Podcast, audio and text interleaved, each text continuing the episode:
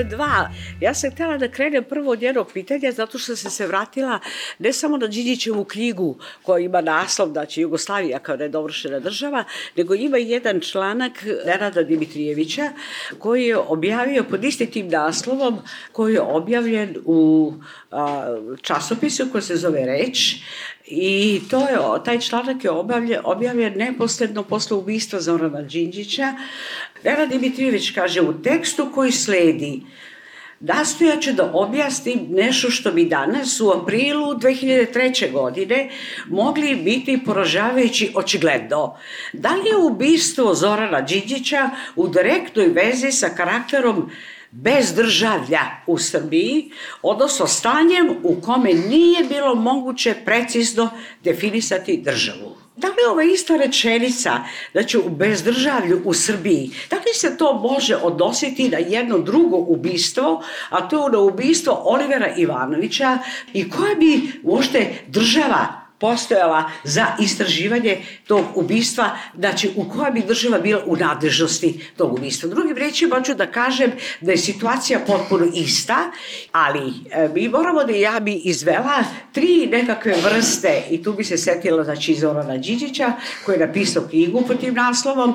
A, on je analizirao a, nedržav, nedržavnost ili nezavršenu Jugoslaviju kao državu, a, smatrajući da ta država je je fasadna država, zato što iza nje stajala u stvari partija, jedna ideologija, znači vi ste imali i ustav, imali ste određene institucije pod kojom su bile određeno stanovništvo u određenim granicama, ali ona je bila fasadna u tom smislu zato što je postala jedna ideologija kao jedna vrsta utvare, ne vodeći brigu ni o kakvim vladavini zakona, niti o tim institucijama, niti o samom ustavu, nego je bilo upotrebljavana znači, u ideološke svrhe i to je u, u stvari najviše koristio i sam Zoran Đinđić kad je govorio o Jugoslaviji. Međutim, tada je moglo da se istakne da je ta država imala jednu drugu osobinu koja je imala neku vrstu moderne rudimentarnosti, a to je da je fizička, monopol na fizičko nasilje ili silu, fizičku silu kojom država država raspolaže, da je bila jedinstvena, a da je nas, sistem koji je nastao posle toga, a tada ulazimo znači, u Miloševićevo doba, da je u stvari došlo do pluralizacije fizičke sile i da se u stvari ne zna ko je više raspolagao to fizičkom silom i u tom kontekstu se on objašnjava i ubistvo Zorana Đinjića. Vi ste imali i crvene beretke i razne grupacije iz tog perioda I naravno, u to vreme bi se moglo reći da smo imali dugu ideologemu, znači to više nije sad, znači, komunistički, komunističko društvo kome težimo, nego u tom periodu imamo ideologemu nacionalizma, tribalnog nacionalizma, koji u stvari takođe uspostavlja jedno hopsijansko stanje gde se može razlikovati prijatelj i neprijatelj i taj period u stvari dovodi i do jednog novog aspekta time što se ne znaju više granice države Srbije. Kako da kažem, to je po definiciji jedno stanje nezavršene države, jer ta država ne zna ni koje su njene granice. Ali ja bih sada navela jedan treći vid a, nedržavnosti, a to je ovaj poslednji vid nedržavnosti. Ova sadašnja vlast znači nasleđuje tog vrstu stanja nedržavnosti i nezavršene države, ali ona uvodi jedan novi način rasturanja državnosti. Ja sam to nazvala nekom vrstom neformalne državnosti, gde smo u stvari dobili više ne niti ideologiju a, komunizma, niti imamo ideologiju nacionalizma, naravno ona ostaje trajna, ali ona u stvari iza te nezavršene države i teritorijalnih pitanja uspostavlja jedne potpuno neformalne odnose gde bi mogli da nazovemo da je to sada u stvari jedna nedržavnost mafijaške države koja se potpuno zasniva na nekoj vrsti ličnih, porodičnih, grupnih, kumovskih, mafijaških odnosa. Znači, od, od neke socijalističke, nacionalističke, tribalne države do ove koja se u stvari krije iza svih tih prethodnih, prethodnog sistema, nastavlja znači tu nedržavnost u smislu nepostojanja granica ali formira iza toga jednu klanovsku državu koja u stvari, kao što vidite, ima jednu apsolutnu personalizaciju, prema tome mi smo u jednom, kako da kažem sada, apsolutizovanom, privatizovanom stanju, gde je država otvoreno i potpuno jasno privatizovana od jedne grupacije koja je uništila i samo društvo, a uništila i državu. I sada ono što je glavno po meni, ona se praktično krije iza tih nedostatka tih granica, to je ono što pričamo da zbog rešavanja kosovskog pitanja je bilo oprošteno ovom režimu da on može da ide veoma daleko sa uništavanjem svih institucija u Srbiji i da je taj institucionalni deo možda daleko više stradao nego u bilo prethodna dva. Znači i u odnosu na socijalističku državu, pa i u odnosu na Miloševićevu državu, a da je ova stigla do kraja, znači da uništava i sve institucije i da ne može da reši niti pitanje državnih granica koja iza koga se praktično sakriva i to je ona žalopojka koja stalno slušamo da je krijući se iza rešavanja kosovskog pitanja u stvari Vučić zaista doveo do toga da više nemamo ni jednu instituciju na koju možemo da se oslonimo od suda, tužilaštva, pa na kraju krajeva parlamenta.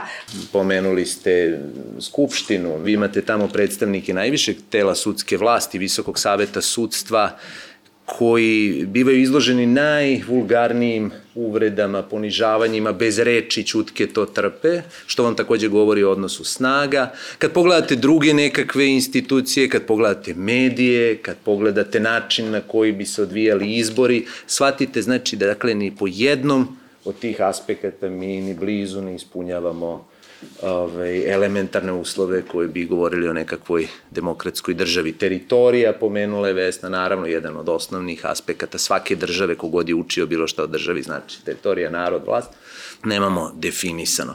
Ono gde bih ja samo malo, ne ne složio se, nego verujem da i Vesna slično razmišlja, ona je pomenula kontinuitet koji traje 20 godina, ja se plašim da traje mnogo duže da taj kontinuitet bez državnosti je mnogo stabilniji, nažalost, na ovim prostorima i da nekada neuočavanju, često kod svih nas, toga doprinosi verovatno i nekakvo romantizovanje e, i idealizovanje prošlosti. Mi ne smemo zaboraviti da smo mi izašli u ove, u ove najnovije faze iz jednog velikog eksperimenta koji se zove to komunističko razdoblje, odakle zapravo mi crpimo i tu ideju jedinstva vlasti, nepostojanje podele vlasti, jedno užasno mešanje karata socijalnih, gde smo se zapravo i dan danas, ja vidim, dičimo time kako su svi sa osnovnom školom mogli svake godine na letovanje i ne znam i tako dalje, što nije normalno, znate, to nigde ne postoji, to jednostavno nije realno. I da ne nabrajem, to su sve šta su uzroci, šta su posledice, mi vučemo jedan kontinuitet tog eksperimentisanja i igranja sa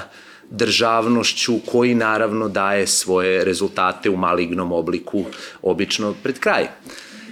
Međutim, takođe bih želeo da, da, da, da pomenem da mislim da se ne treba ni tu pretarano zavaravati. To što imamo nedovršenu državu, što je naslov naše, naše tribine, ne znači da, nemamo, da nismo sve bliže jednom zaokruženom, dovršenom društvu. Sve ovo što ne postoji kroz jednu ustavnu podelu i tekako postoji u jednom paralelnom univerzumu, u jednom društvu koje je umesto sudova uspostavilo svoje sudove, umesto tužilaštva uspostavilo svoje izvršne organe koji komanduju i govore ko je kriv, ko nije kriv.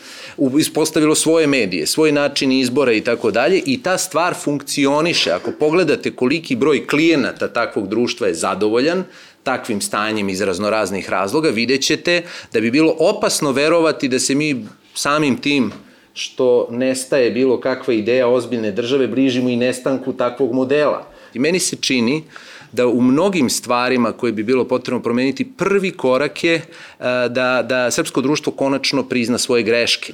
I e, pomenuti pokojni premijer Đinđić, na koga se danas puno njih poziva, je u, u istom ovom delu govorio o nečemu što je konstanta kod nas iz doba ponovo, dakle, komunističke države, a to je triumf interpretacije nad stvarnošću. Treba se na tim zamisliti, mi to živimo konstantno, mi konstantno prilagođavamo stvarnost svojim interpretacijama i trudimo se da iz toga izvučemo nekakve, nekakve zaključke. Meni to sliči kao pilotu kome su razdešeni potpuno uređaj na onoj GPS tabli i koji misli da leti iz Amsterdama, u stvari je otišao put Kijeva i nikada tamo ne može sleteti zato što mu informacija koju dobija je potpuno pogrešna. Ja se i kada je 2002. ovo proglašen, je ovaj dan proglašen državnim praznikom, ja sam se zaista pitala šta slavimo. Da li slavimo pokušaj da podelimo vlast na zakonodavnu, izvršnu i sudsku pre skoro 200 godina, Da li slavimo ukidanje tog ustava? Dakle, činjenicu da je on posle 55 dana ukinut,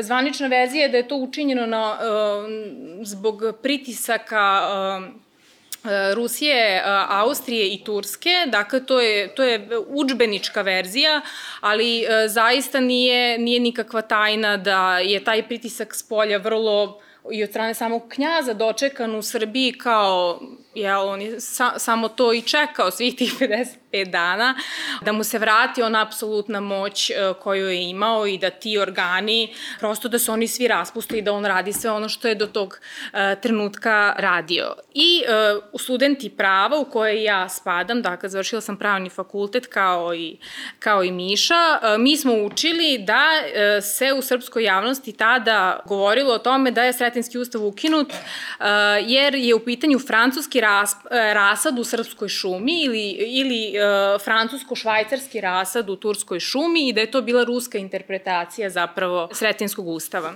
Iz istupanja zvaničnika naših državnih godinama unazad, ja bih rekla da mi na, ovo pitanje šta slavimo, da mi zapravo ne slavimo i da se ni na koji način ne osvrćemo ni na način na koji je ovaj ustav donet, ukinut, ni na njegovu sadržinu, već da se zapravo slavi početak e, prvog srpskog ustanka, jer je on e, poželjni simbol e, Srbije kao žrtve, Srbije koja je bila okupirana, koja se oslobodila, koja je imala snagu da se odupre tim uvek zlim spoljnim silama koje na nas vrše pritisak da radimo nešto što što mi a, ne želimo.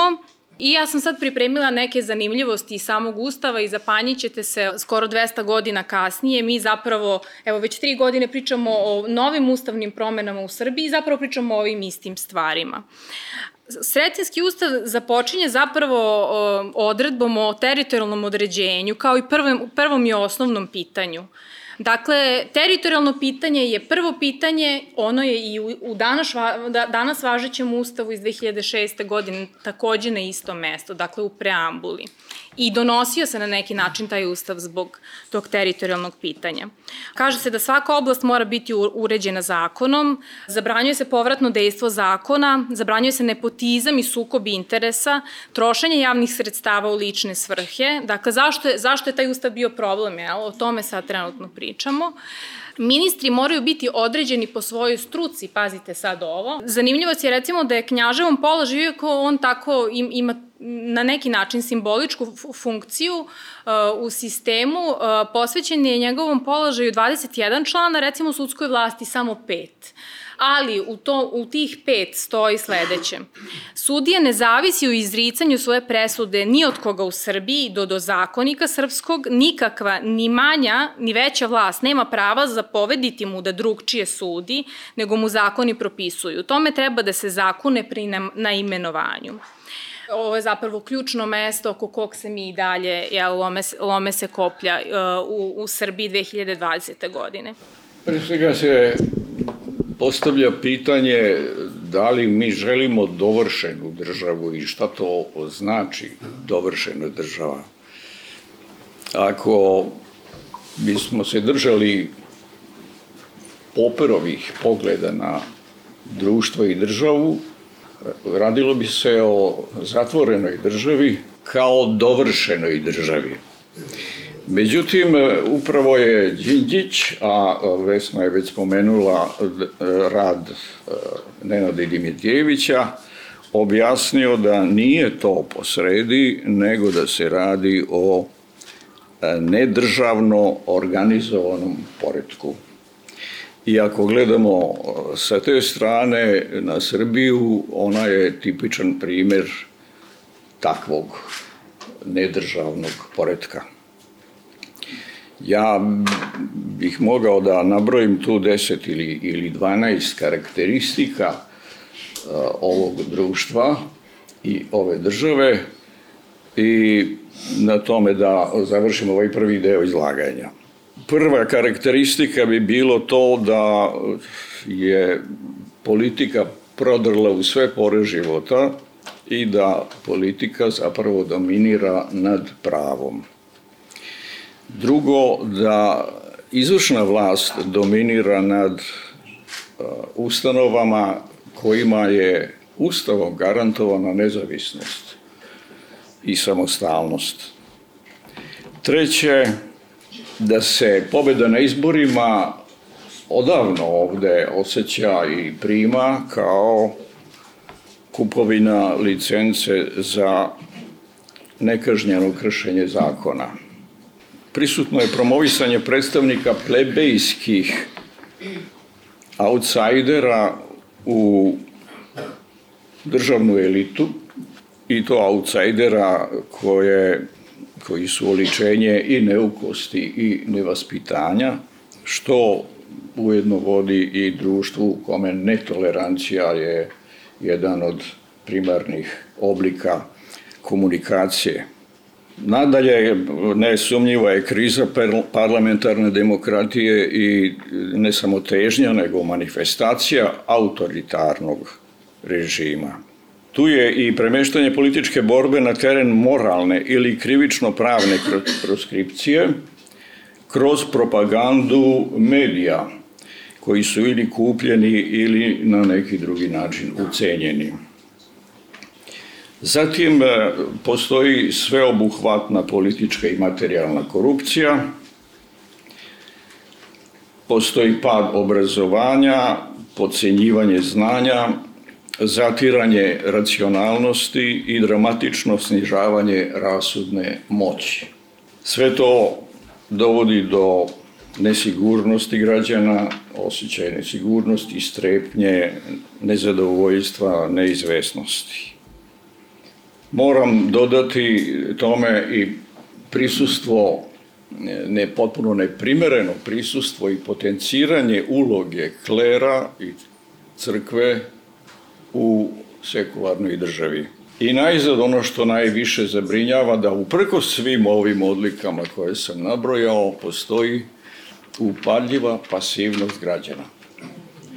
Vi ćete premobilisati građane da se okupe i protestuju zbog rušenja nekog parkića, što takođe nije loše, nego što ćete ih motivisati da se bune zbog toga što je ugrožena nezavisnost suda, kao što se recimo bunili građani Poljske, ili e, što je uopšte sistem ovakav kakvog sam ga okarakterisao. U evropskoj civilizaciji Srbija je primitivno društvo. Takva joj je i država.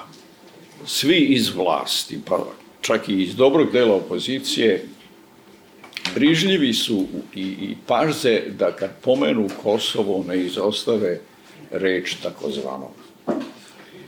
Ne vidim ništa manju potrebu da kad se pomene Srbija se koristi isti adverbijal. Ja bih pokušao da priču iz abstraktnog teorijskog diskursa spustim malo na, na teren i da, da vidimo kako to izgleda ovaj, na terenu, e, konkretno u e, polju kulturnih politika. Stoga bih uzeo primer knjige Jugoslavija kao nedovršena država, dakle ne samo na osnovu toga što u njoj piše, već kada se pojavila, gde se pojavila, u kojoj instituciji i kako je do toga došlo. Izabrana dela Zorana Đinđića su u, u kontinuitetu objavljivana nekoliko godina nakon e, njegovog ubistva u e, Narodnoj biblioteci Srbije u saradnji sa zadužbinom Zorana Đinđića. I ja sam tada bio u izdavačkoj delatnosti Narodne biblioteke Srbije, ja sam urednik ove knjige, e, zajedno sa Sretanom Ugričićem, koji je bio direktor institucije e, Narodne biblioteke Srbije i koji je tu instituciju vodio od 2001. godine do 2012. godine. Kada smo 2001. E, ušli u tu instituciju, pokušali smo da tu instituciju vratimo građanima i da to zaista postane servis građana akademske, čitalačke i interpretativne zajednice. Da se modernizuje u svakom smislu, da se uspostavi digitalna biblioteka i sve ostalo. Ta biblioteka je, između ostalog, re, renovirana i rekonstruisana u tom periodu, dakle između 2007. i 2011. Želim da napomenem da je u tom periodu vršena ne, e, nemoguća kampanja i hajka protiv uprave Narodne biblioteke Srbije, kao uh, uh, institucije koju su zaposlele neke kabadahije koje uništavaju samo srpstvo, biće uh, ove nacije i uništavaju fondove i sve ostalo. Mi smo paralelno sa tim, dakle, radili, objavljivali i ove knjige.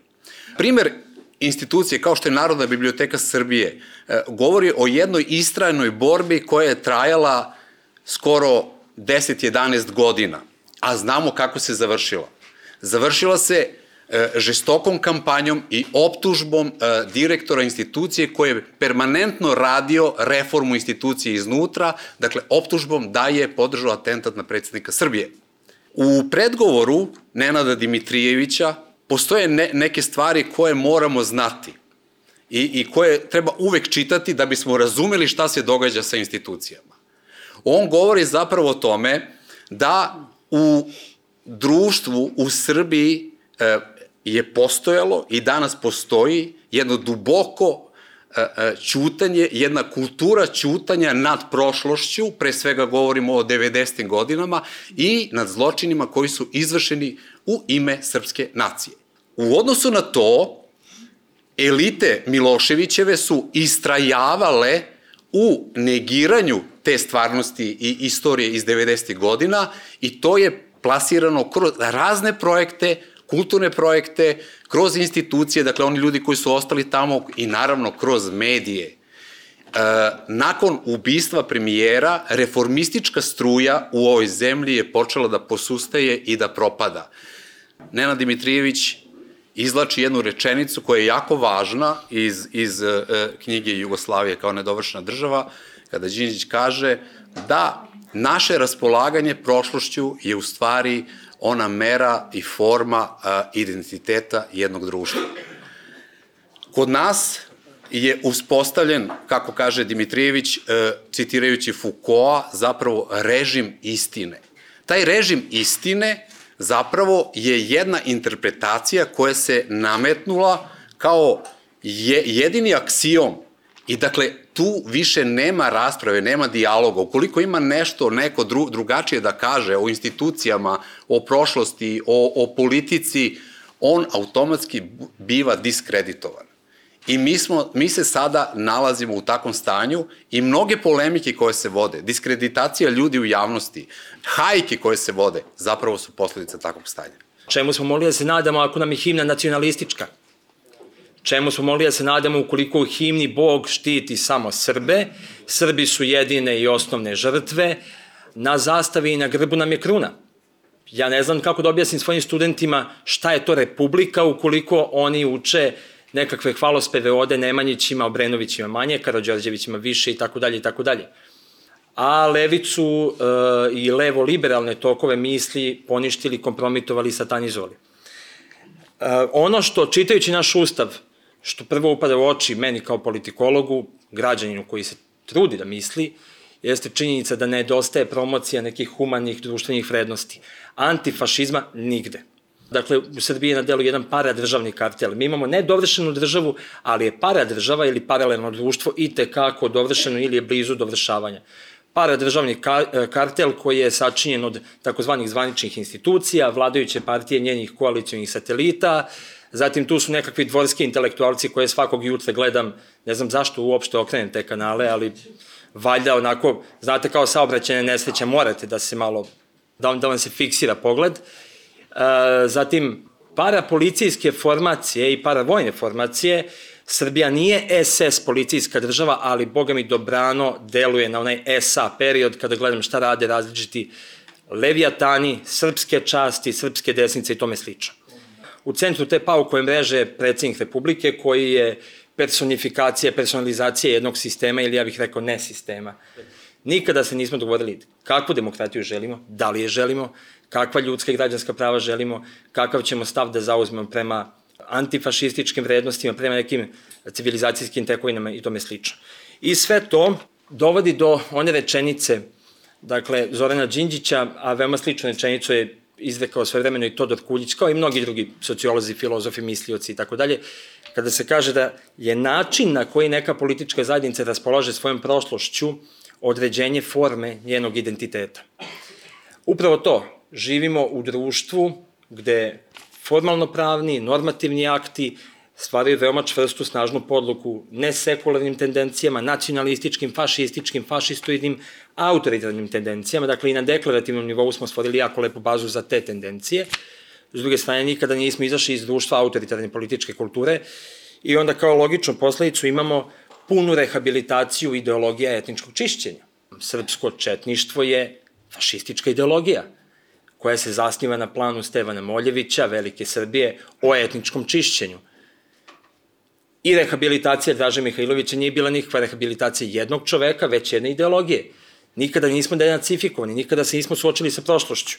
I tako dolazimo do društva u kom se dešava da Miša Vacić, jedan Miša Vacić čestita a, svima onima koji slave Božić po gregorijanskom kalendaru, čestita Božić, citiram, latinskoj jeresi, očekujući da se oni vrate u vjeru prađedovsku, dobro.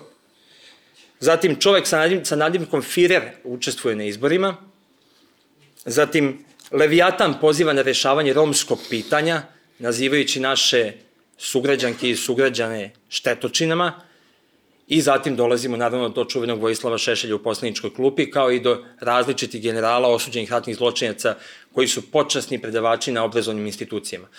Naravno, ove fašističke parapolicijske paravojne formacije se koriste za obračun sa političkim neistomišljenicima i sa, pre svega sa novinarskim, ja bih rekao, sa novinarskom profesijom ovde, ali i sa svima onima koji se usude da podignu svoj glas. Ono što bih istakao i sa čim zaključio jeste da je reč o veoma specifično usmerenoj pojavi, neka mi bude čak i pripisana etiketa ideologiziranosti, ali pojavi koja se naziva anti-antifašizam, čiji cilj nije samo obračunavanje sa svakodnevnim političkim rivalima, već je ovde jednim značajnim delom specifičan cilj obračun sa svetom levice. A levica, odnosno svet levice, makako je posmatrali, ja ju posmatram uglavnom kroz one umerene demokratske levičarske ideologije, jeste jedina ideološka i praktična politička matrica koja može da dovede u pitanje suštinske odnose ekonomske i političke moći. Ta neka budućnost bi se mogla sagledati iz te, te perspektive o kojoj smo sada govorili i pominjali Nenada Dimitrijevića, da je on u stvari i rekao da e, naša budućnost zavisi od toga koliko ćemo uspeti da savladamo prošlost. On je rekao da postoje tri načina kako mi gledamo na prošlost. Znači, jedno je u stvari gledanje koje a, verovatno najjače i najrasprostranjenije, a to je da se u stvari ta prošlost pacifikuje na taj način što će se ona prihvatiti. Znači, da ćemo da kažemo da smo mi činili nešto, da su i drugi činili nešto i da je u stvari u celoj toj priči srpska strana bila najveća žrtva. U stvari, najveći simbol toga je u stvari ovo što se dešava i u Skupštini, a i u van Skupštine i koje, kako da kažem, otac toga je u stvari Vojislav Šešelj. Ja mislim da čak i ove grupacije koje su navedene ovde ne idu toliko daleko u, u kako da kažem, agresivnom a, vraćanju i ratne politike i ratnih ideja i srpskog nacionalizma u najgoroj psovačkoj formi i najagresivnoj formi da to ipak dolazi od Šešelja koji sedi naravno u prvom redu naše Narodne skupštine. Ja bih samo skrenula pažnju da ako bi se te grupacije povezale i sa time što su sada neoradikali na vlasti, da su oni dobili jedan veliki zamah upravo u poslednje vreme i da su oni na neki način i svi zajedno proizvod same države i zbog toga se oni pojavljuju sada, svi se najavljuju da će da učestvuju na izborima i da je to spuštanje cezusa, da će i na 3%, dalo ima krila da poveruju da će oni sada da uđe i da postaće, postaće zvaničnici, da će ući u skupštinu, da će ući u lokalne samouprave i da će oni, da će taj svoj fašistički naboj preneti konačno i u taj zvanični, zvanični zvanični sistem. A iza toga se krije zaista taj zvanični sistem. I ja mislim da su to sve grupe koje jesu proizvod Vučića i da su one dobijaju direktno njegovu podršku. Znači, ako vidimo da mi nismo imali nikakvu mogućnost da napravimo jednu a, samo refleksiju na samih i da je to u stvari potpuni nedostatak učenja. Znači, onaj narod, ili da kažem ona država ili ne država, znači oni ljudi koji ne uspevaju da uče i da iz, tog, iz te prošlosti izvlače nekakvu novu svest na osnovu čega bi gradili nekakvu budućnost, da u stvari ona takva neka država i nema nikakvu budućnost.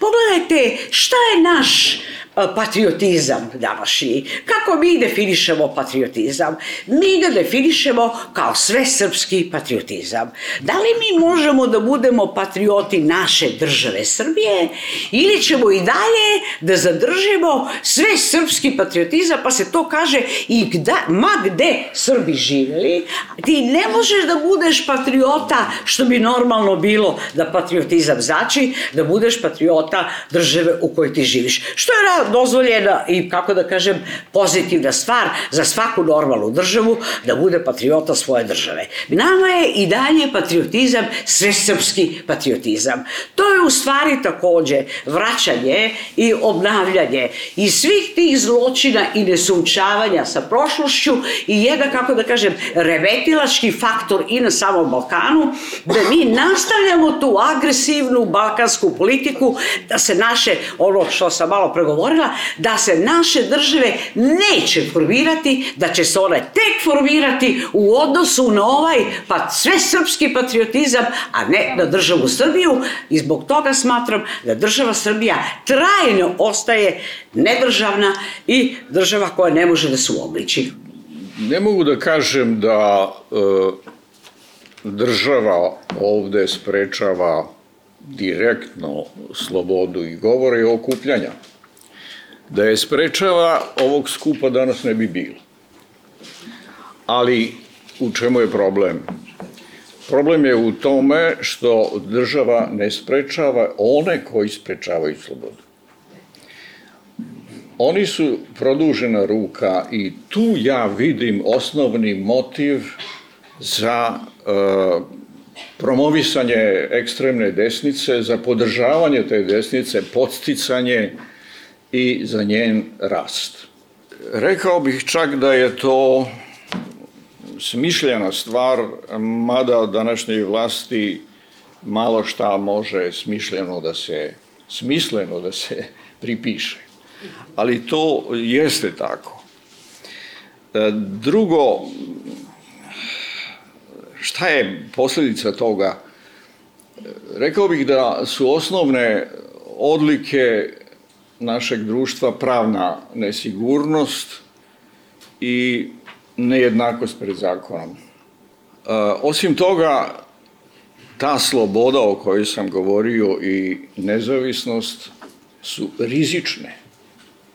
Onaj ko se danas odluči da to koristi, a imamo evo žive primere ovde među nama, izlaže se riziku i to ne samo riziku proskripcije, nego i riziku uh, egzistencije i, i ugrožavanja života i tela. Tome nestaje niko na put, iako sredstva postoje. I da Ustavni sud koji je imao priliku pre nekoliko godina da odlučuje o zabrani nekih stranaka i pokreta, taj posao uradi e, površno i polovično. S druge strane, e, ovde se stvara, usađuje se kult ličnosti, pritome kult ličnosti koje ima e, nisku harizmu, oskudno znanje i još je oskudnije u ljudnosti sa odsustvom osjećaja za meru i za uvažavanje prava, s naglašenim egotizmom, mesijanskim kompleksom, nametljivošću i sa sklonošću svakovrsnom preterivanju. I čovjek kad ima sve to u vidu bi rekao pa nema lakšeg političkog protivnika. Ali on je u našim uslovima postao vrlo težak politički protivnik, gotovo nepremostiv. S jedne strane imamo narod koji je polupismen u, u najvećem delu, eli, koji ne pruža otpor, to sam već kazao, i onda kada je direktno ugrožen, koji naseda na ovakve pojave, a s druge strane imamo opoziciju koja nije utekla puno od toga. I otuda je nada da se nešto popravi još uvijek daleko od nas. Naša sudbina prosto je da budemo i da ostanemo nasuprot Mislim da su svi ovi pomenuti, da ih sad ponovo ne nabrajamo, Leviatani, Vacići, e, Fireri i tako dalje, oni su dugo bili u domenu paravojnih struktura ili bili su na rezervnim položajima e, i nije bila ideja da budu institucijama. Mislim da je ovo sada iznuđeni potez zbog e, većeg dela opozicije koji je najavio bojkot, prosto da oni sada moraju da zaigraju jednu drugu ulogu i da je to prosto stva, praktična, praktična stvar. Da li to za nas nešto suštinski menja? Mislim da ne. Njihova, štetnost njihovog delovanja u društvu, bilo da su institucijama takvim razvaljenim kakve jesu ili su u tim parastrukturama, za nas je, za nas je šteta u priličnoj meri, čini mi se, istog intenziteta. Ko su ti ljudi? E, to su deca negacije događaja koje su se dogodile, znači to nisu direktni učesnici tih događaja, oni su već u godinama i žive svoje ugledne živote, neki nikada nisu ni optuženi, nekad ni, ne, neki su optuženi, nikad nisu osuđeni, a neki su osuđeni pa opet žive kao ugledni građani ove zemlje. Ja često viđam šljivančanina recimo u Beogradu kako ponosno, lepo, uglađeno ob, lepo obučen šeta gradom podignutog nosa bez ikakvih problema. E, dakle, ovo su deca negacije tih, tih zločina. Pre dva dana je usvojena strategija za razvoj kulture u Srbiji e, za narednih 10 godina. Ja sam o tome pisao svoje vremeno na Peščaniku, imao sam i debatu sa ministrom u Narodnoj biblioteci. Ovaj tekst se oslanja na ključne tekstove desnice u Srbiji koji su uh, uh, proizvedeni posljednjih 30 godina. Tu su tekstovi, pre svega Dobrice Ćosića, Bosanski rat, njegova knjiga o Kosovu, zatim zajednička knjiga sa Ekmečićem, Srpski duhovni prostor, uh, i još neke knjige iz tog kruga intelektualaca, sada već pokojnih, koje su usvojene i transponovane u jedan programski tekst koji služi za trasiranje kulture kod nas. Organizacije koje se pojavljuju e, u političkom polju zapravo samo predstavljaju udarnu pesnicu tih ideja. Moje iskustvo rada i čitanja ovih programskih tekstova koji su se ulivali u, u, u zakonske tekstove je taj da se zapravo ovde radi o velikoj izdaji intelektualaca i da je zapravo jedino moguća pobuna intelektualaca i pokazivanje otvorenog stava. Tek tada će građanstvo početi da funkcioniše i civilno društvo se obnavlja. Mi sada imamo pojedince koji su izuzetno hrabri, kao što je primer čoveka iz Krušika koji je preuzeo svoju e, ličnu građansku odgovornost i trpi strahovite posledice. Takvih pojedinaca ima u ovom društvu. Mi za njih ne znamo ili slučajno saznamo zahvaljujući nekim nezavisnim medijima. Ti mediji su pod velikom paskom, uskoro će i oni nestati i onda ćemo zaista biti u totalnom mraku. U tom smislu, a, tek kada dođe do osvešćivanja organizacije pobune intelektualaca, moći će da krene proces obnove civilnog društva.